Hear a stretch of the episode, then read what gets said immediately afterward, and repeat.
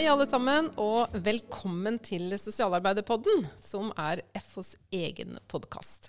Mitt navn er Hanne, og i dag har jeg fått eh, besøk av to spennende sosialarbeidere. Det er Marius Ruud. Du er barnevernspedagog fra Oslo OsloMet 2019. Og så er det Julie Øvrebø. Og du gikk sammen med Marius og er også barnevernspedagog fra Oslo OsloMet fra 2019.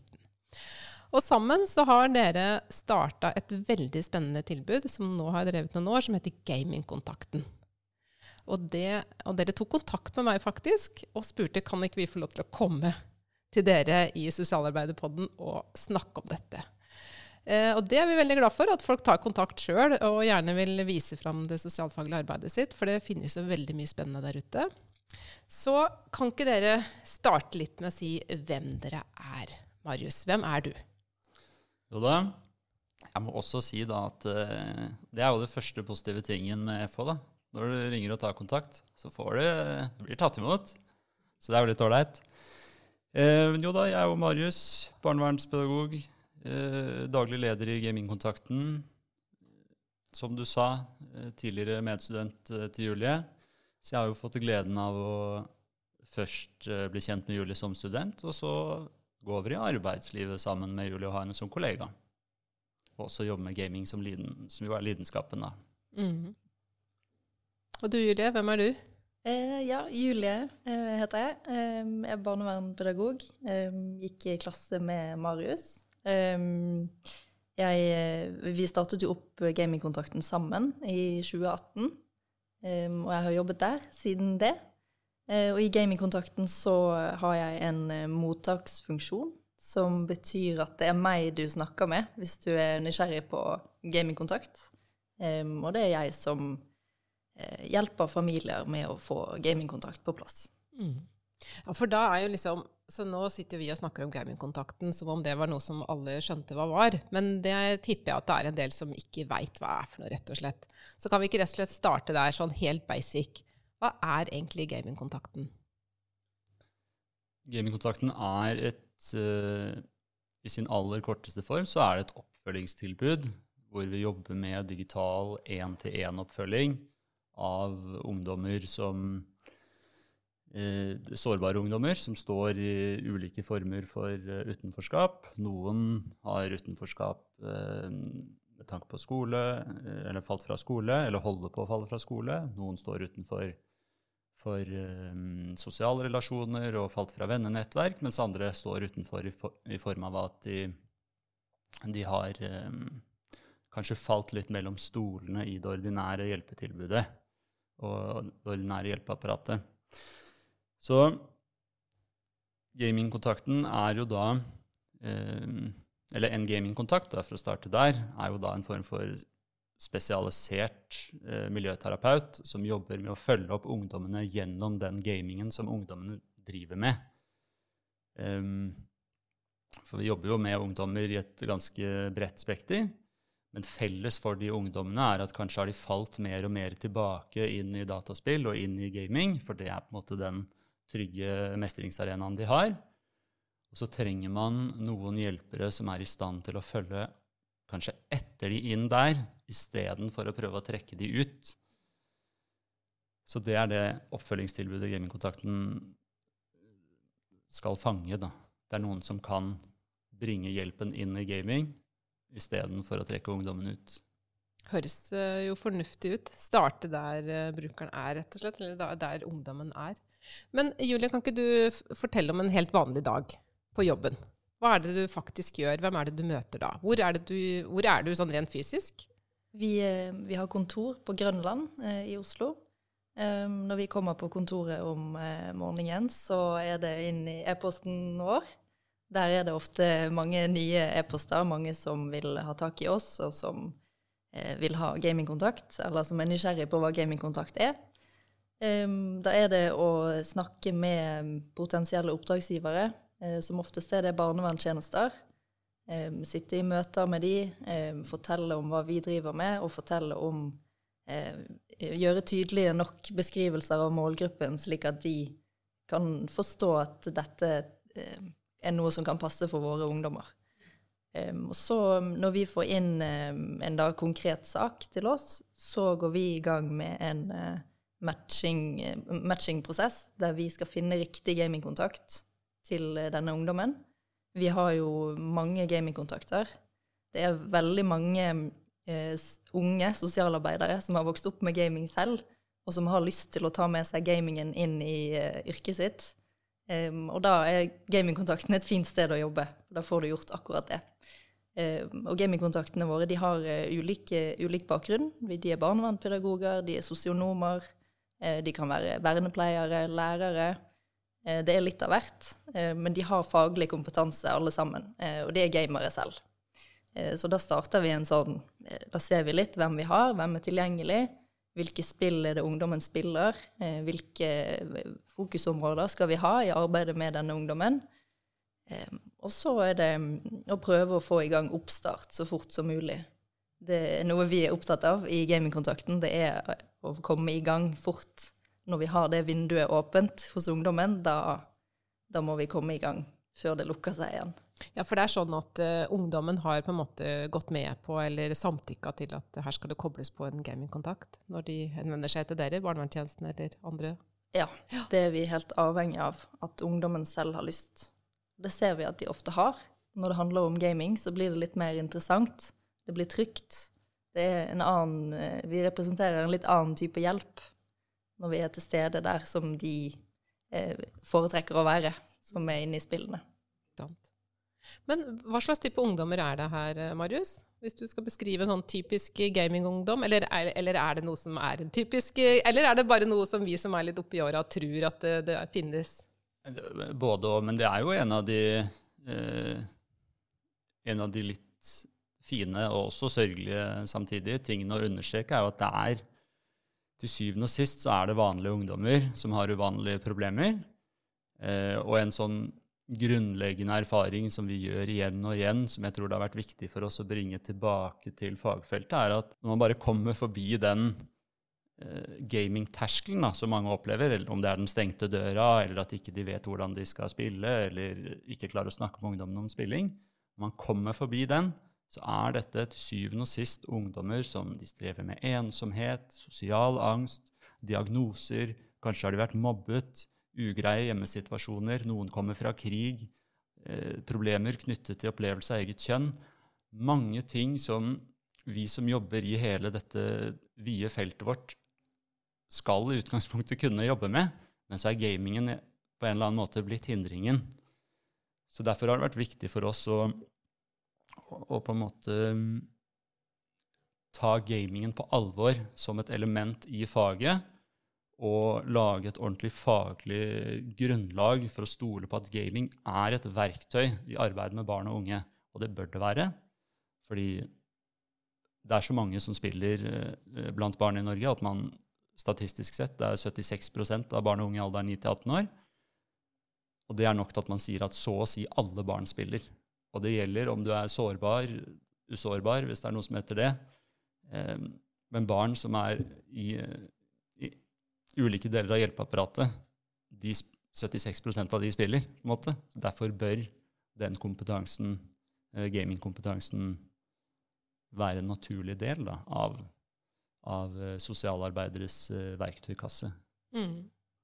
Men, men, du beskriver jo eh, mange sånne si, problemstillinger som ungdommen kan streve med, og som gjør at de på en måte kanskje liksom bruker gamingen som et tilfluktssted, eller som en mestringsarena. Um, men hvordan, hvordan, klarer dere som gamingkontakter å komme inn på disse problemstillingene? Altså Hvordan klarer dere liksom å avdekke og jobbe med de? Uh, for jeg regner med at dere spiller sammen med dem, selvfølgelig, altså gjør ting på en måte i, i spillverdenen. Men hvordan klarer dere samtidig å få, komme i, i, posisjon til å få, få, i stand en dialog om de vanskelige tinga? Det er jeg litt nysgjerrig på. Og, og det er jo her det, den andre siden kommer inn. Vi skal ikke bare game for å game. og for the sake of gaming. Vi må også huske det vi har lært om barns utvikling, sårbarhetsperspektivet, eh, endrings, eh, endringsarbeid, miljøterapi. Eh, sånn at man får den sammensmeltingen av de to eh, kompetansene. Så der ville man jo kunne svare med mer sånn generelt Eh, hvordan hjelper man barn ellers? Jo, du må i hvert fall ha god relasjon. Så det, en gamingkontakt det er jo det aller første vi jobber for. Det er en relasjon som kan bære et utrygt endringsarbeid. Eh, så da er vi jo nødt til å delta der ungdommene føler seg trygge. Og hvis det er gaming, da er det gaming vi skal være gode på. Og det er også noe av det som gjør at vi kanskje får det samtykket til å, å hjelpe de som der de før har sagt nei til kanskje alt mulig annet. Men er det sånn at dere liksom møter dere ungdommen sånn fysisk og sitter ved siden av hverandre og spiller, eller møtes dere online? Og så snakker dere sammen eh, sånn som vi gjør nå, eller skriver dere til hverandre i sånne chat-funksjon. Altså, dette avdekker egentlig litt kanskje min uh, uvitenhet i forhold til uh, gamingverdenen. Samtidig så tenker jeg det er sikkert noen, også noen lyttere der ute som lurer på litt av det samme. Så kan dere ikke bare liksom være så konkrete som mulig på hva dere faktisk gjør? Ja, vi gjør egentlig alt det du nevner der. Vi både spiller sammen med headset og mikrofon, sånn som vi sitter nå. Um, og da ser vi hverandre ikke. Da sitter vi på hver vår kant, uh, på hvert vårt rom, eller vi sitter på kontoret og ungdommen der som de bor. Um, og så har vi fysiske møter. En gang i måneden er det det mest vanlige. Og da gjør man det som man har lyst til å finne på. Man kan dra, på, dra og spise noe, dra, lese tegneserier på Outland. Det er jo mange av våre ungdommer som, som liker. Um, det kan være dra på kino. Um, man finner på alt mulig, egentlig. Eh, og for noen av ungdommene våre så er jo det veldig stort, det å komme seg ut av huset, bokstavelig talt. Ut døren. Det kan være en veldig stor forandring i et liv.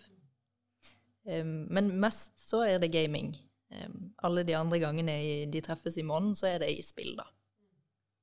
Så det vil jo Vi har jo også hatt saker der ungdommer har stått i, det lengste vi har sett, stått utenfor skole i fire år, går knapt ut av huset. Um, har ikke stort, har ikke så veldig stor sosial kapital å, å, å spille på. Um, men man klarer å koble på en gamingkontakt. Og da vil jo La oss si du satt hjemme hos deg da, sant? Uh, og logget på i Fortnite, som jeg regner med du spiller, Hanne. Uh, ja, det vil nok dattera mi også si. men du logget Ungdommen vil jo logge på PC-en sin, sant? logge på i Fortnite, logge på et chatteprogram som heter Discord. Eh, og så vil jo vi som gamingkontakt gjøre det samme, og så spiller vi sammen over nett mens vi snakker sammen over mikrofon. Eh, akkurat som man ville spilt med en venn. Eh, men nå er det en hjelper som sitter der. Mm. det må jo være en fantastisk eh, måte å liksom knytte kontakt dette her med å ha dette felles uh, interessen, da, på en måte å ta utgangspunkt i. Det er en veldig god inngang, altså. Men, men, det er sikkert noe som er litt sånn tuklete og vanskelig med det her òg. Det er vel ikke bare suksesshistorier og, og solskinn hele tida. Hva er det som er krevende da med å jobbe på denne måten? Eh, det er jo flere nivåer Eh, det ene er jo det som er krevende med selve å jobbe som utøvende gamingkontakt. Det er jo f.eks. sånne åpenbare ting som at vi, vi ser jo ikke ungdommen. Eh, vi er veldig prisgitt det vi hører, hva vi opplever i det som skjer i samhandlingen i spillet. Så gamingkontaktene må jo være veldig sånn vare på De må både klare å orientere seg rent sånn ja, fysisk i spillene, hvis det er noe som heter det, Eh, men de må også være veldig vare på inntrykk fra ungdommen. Eh, så det krever litt eh, trening. Å klare å balansere skillsene i spill, og, og, også ta med seg miljøterapien inn i spill. Så, og det er mange av gamingkontaktene som sier at de er litt overrasket over hvor, hvor slitsomt det er. For man tenker jo at det bare er å ha tilbakelent stil og sitte og game. Eh, men mange av gamingkontaktene de, de, går nok ikke rett på privatgaming etterpå. De går seg nok en tur ut og lufter hodet. Og, og, det er selvfølgelig også fordi det er tunge saker, så det er jo selvfølgelig krevende. Og det å sitte og lete etter de sånne små napp da, til å kanskje finne veier til å få ungdommer over i andre arenaer. Vi hadde jo en gamingkontakt som skulle ut og ri liksom, med en ungdom. Hadde fått napp på at en ungdom var interessert i hest, da, og hun hadde tilfeldigvis tilgang på hest. Skuteri, ikke sant? Mm.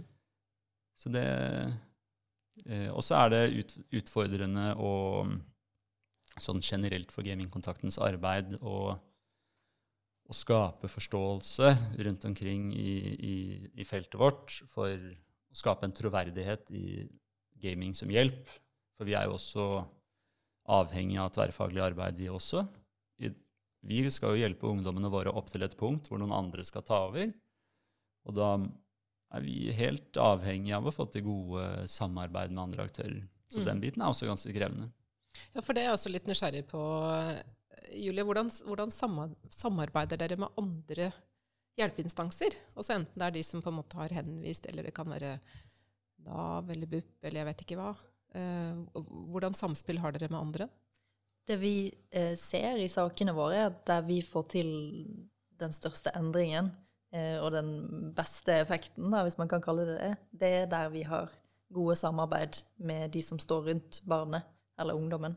Eh, det kan være skole, eh, ofte er det barnevernstjenesten. Eh, det kan være BUP, det kan være PPT. Vi Eh, står med armene åpne for de som har lyst til å samarbeide med oss når vi jobber i en sak. Mm. og da er det Det kan være alt fra at gamingkontakten er med på å introdusere en, en, en som jobber med oppfølging fra skolen, f.eks., eller gamingkontakten blir med på det første møtet med BUP, eller når de har bygget den relasjonen som vi var litt inne på i sted, så kan man bruke den til å skape ganske mye.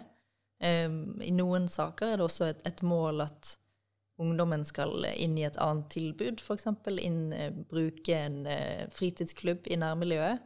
Da kan gamingkontakten bli med dit, uh, gjøre det litt trygt. Mm. Um, til de er klar for å eventuelt gå alene. Mm. Dette er jo på mange måter liksom oppsøkende sosialt arbeid, men på, i en digital verden, da.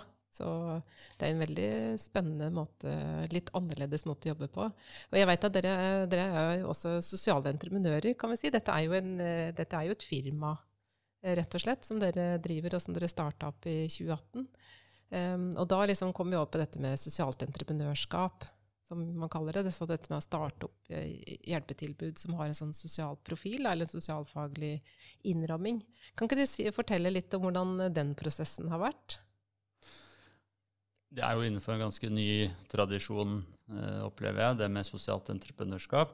Um, det handler jo, man kunne si det litt banalt, at det liksom er gamle, gamle problemer, nye løsninger. Men sosialentreprenøren skal, er jo veldig opptatt av å synliggjøre den sosiale effekten av arbeidet sitt. Um, så, og, det har jo vært et veldig fint verktøy også um, for uh, oss som er barnevernpedagoger, og eh, som skal jobbe med å skape forstå generell forståelse for gaming i hjelpeapparatet, er jo å klare å vise til effekten. ikke sant? Så det har vært en veldig sånn naturlig del av å systematisere arbeidet vårt. Eh, vi har jo nå etter hvert fulgt opp eh, ungdommer i snart 3000 timer på denne måten her. Og det er nok, eh, det er nok det til å ta del i ordskiftet og og, og sørge, sette ulike ting på agendaen. Så, så, det er jo også sosialentreprenørens oppgave, er å også endre på rammebetingelsene for, i feltet vårt. Det er også en del av den, den yrkesetiske plattformen. Sant? Mm. Og ansvaret for egen fagutvikling og utvikling av feltet. Mm. Absolutt. Hva tenker du, Julie? Hva er det beste med å jobbe på denne måten kontra å være ansatt i en barnevernstjeneste f.eks.? Jeg tror noe av det jeg liker best med gamingkontakten, er at vi er rett på løsningen, eller rett på forslag til løsninger med en gang. Eh, vi møter jo en del eh, hva skal man si, strukturelle hindre når vi skal inngå nye samarbeid, og de hindrene er ikke på vår side. Eh, men vi kan da hjelpe til med å finne løsninger. Hva kan vi gjøre annerledes for at, kan, at dere kan eh, bruke oss, f.eks.?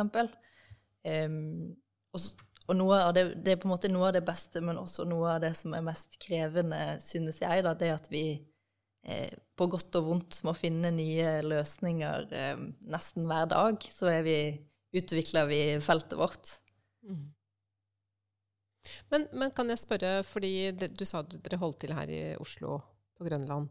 Eh, men uh, si det er en uh, barnevernstjeneste i Nordland, da, som sitter og hører på oss nå, og tenker at åh, det der hadde vært et kjempegodt tilbud for en av våre ungdommer, kan de henvende seg til dere da? Absolutt. Absolutt. Vi får telefoner fra hele landet, og vi tilbyr også gamingkontakt i hele landet. Vi har jo den store fordelen med at vi kan jobbe digitalt. Og så har vi også gamingkontakter rundt omkring i, i Norge. Hatt gamingoppdrag i Nord-Norge, vi. Mm. Ja. Og på Vestlandet og Sørlandet og i Midt-Norge. Vi, vi, er til stede overalt, vi. det er fordelen med å jobbe på digitale flater. Helt sikkert. De som jobber for dere, da, altså de gamingkontaktene dere har uh, si, i stallen, um, Eh, hvordan eh, eh, møtes de på noe vis? Altså, har dere noe sånn kollegialt fellesskap, veiledning, oppfølging? Du, du, sa jo litt om det i stad, Marius, at det kan jo også være litt sånn tungt og krevende sånn rent faglig og etisk å stå i disse samtalene aleine. Har dere noe liksom, system, noen rammer for å, uh, ja, for å gi de ansatte eller gamingkontaktene god støtte? For det første så, så gjennomgår de jo et opplæringsprogram. Uh, som vi har utviklet. Eh, da vi startet gamingkontakten, så var det jo ikke akkurat liksom sånn Det var ikke, var ikke noe bok hvor sånn hjelper du barn gjennom gaming, så det har vi på en måte utviklet uh, opp igjennom. Eh, så de, de, har et opplæringsprogram, og så er jo både Julie og jeg er jo teamledere for uh, ulike gamingkontakter. Eh, og de får uh, månedlig veiledning etter ut ifra den rapporten som de skriver, og selvfølgelig hvis det er noe ekstraordinært. Men så har vi vi har det jo også samlet da, på en egen Discord-server, hvor det, man kan diskutere med hverandre anonymt, selvfølgelig. Eh, utfordringer man står i. Kanskje trenger man hjelp til å foreslå noe spill til noen ungdommer. Eh, kanskje har man sett seg lei på at ungdom, eh, ungdommen er jo ofte veldig mye bedre enn oss. Det er litt sånn der hvis du spiller veldig mye. Um, så, så, også der prøver vi å ha samhold gjennom i det digitale rom. Da. Mm. De bor jo litt her og der. Mm. Hvordan rekrutterer dere gamingkontaktene? Vi har eh, bl.a. et eh, undervisningssamarbeid med Oslo OsloMet, der um, vi har gaming som valgfag.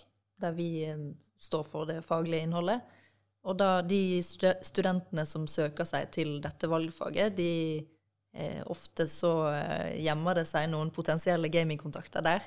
Så det er en gang i året så kommer det hjem nye studenter eh, derfra, blant annet, da.